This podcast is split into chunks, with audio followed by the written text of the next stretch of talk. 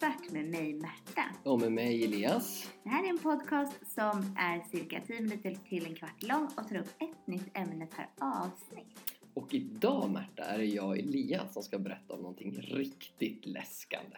Kan du gissa vad det är för något? Kanske någonting läskigt? Ja, det skulle man nästan kunna säga att det är. Fast kanske inte riktigt på det sättet som du tror. Utan jag ska prata om någonting som är läskande och det är faktiskt Coca-Cola. Har du hört talas om Coca-Cola någon gång? Eller? Det har jag verkligen Du gjort. kanske till och med har druckit en Coca-Cola någon gång? Alldeles för många. Ja, men det brukar vara ganska vanligt att man säger att man druckit alldeles för många. Nej, men då kör vi igång om Coca-Cola då helt enkelt.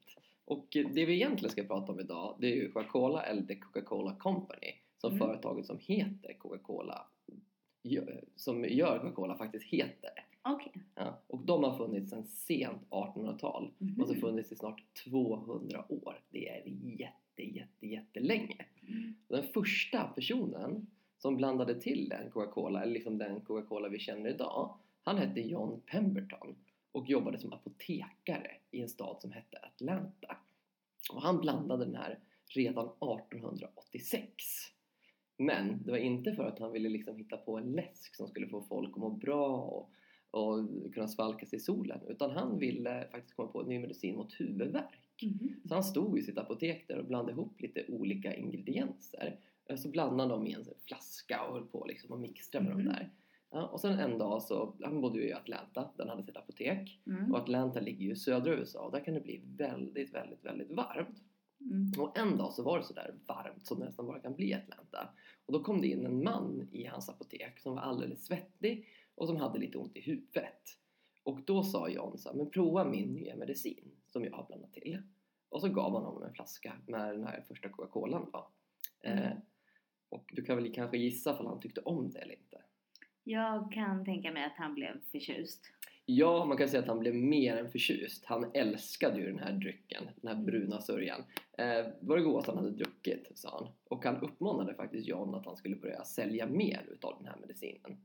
Eh, men Hjälpte det, hjälpte honom någonting mot hans, eh, eh, vad han sökte hjälp för? Eller var det bara nej, man tror inte det. Alltså som medicin var kolan ganska värdelös Ja. faktiskt. Den botade inte speciellt många sjukdomar. Men som dryck var den ju supergod.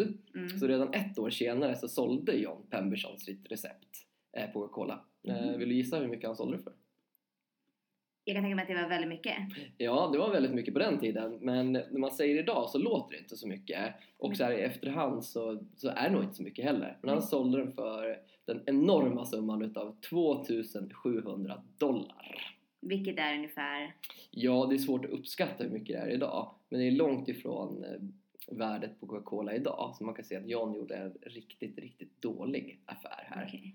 Eh, och receptet, det är faktiskt en dag hemligt och förvaras i ett bankvalv i Atlanta.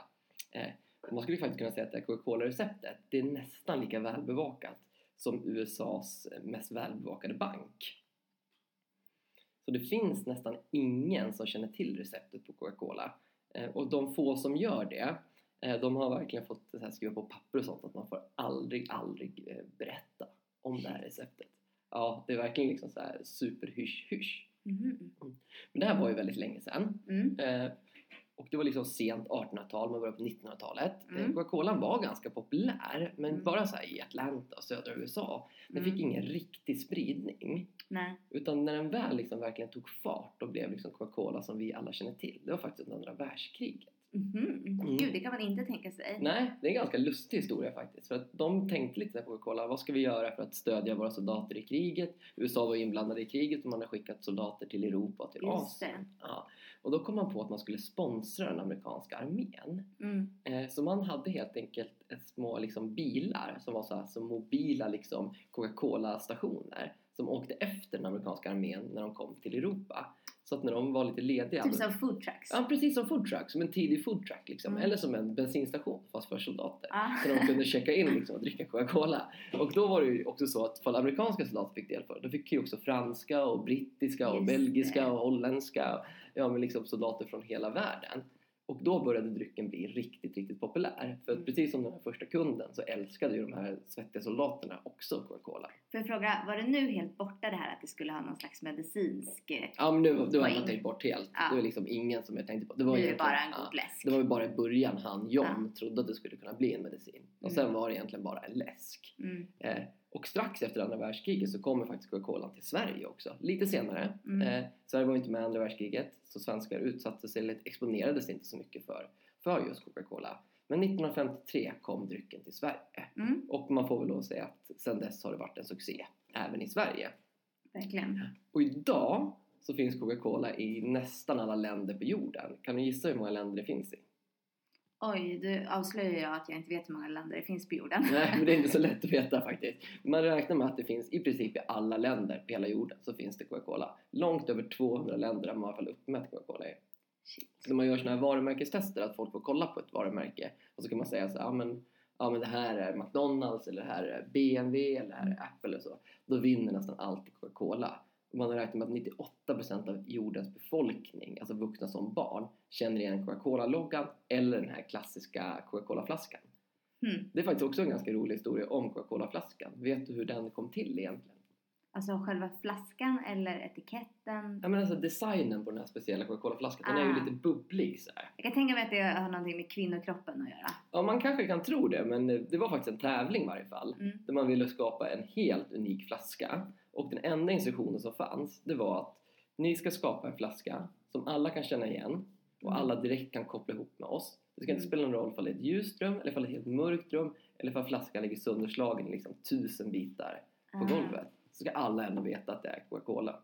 Mm. Och det får man ändå lov att säga att de har, att de har lyckats med. Ja, deras marknadsföring verkar ju ha varit en framgångs... Jo, det kan man ju absolut säga att den har varit. Och då kommer man ju ofta in på det här att det finns ganska mycket myter om Coca-Cola också. Ja. Och en stor myt om Coca-Cola, det är det här med Coca-Cola och julen. Att Coca-Cola gjorde julen röd. Har du hört Just talas det. om det? Det har jag.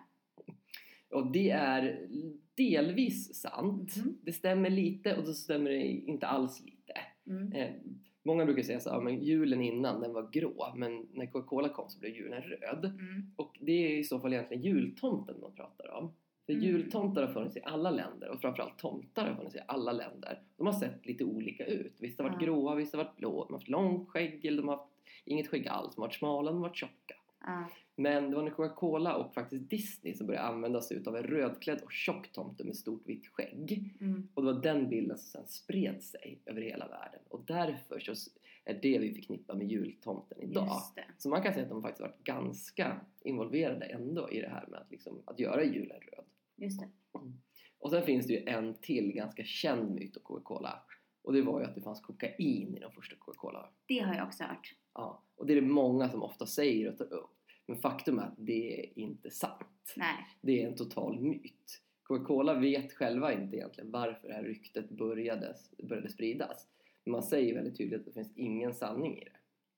Mm. Men å andra sidan så är det faktiskt ingen som riktigt vet vad som står i receptet. Det är inte så himla hemligt. Så, Det är sant. Det så här kanske vet är inte riktigt.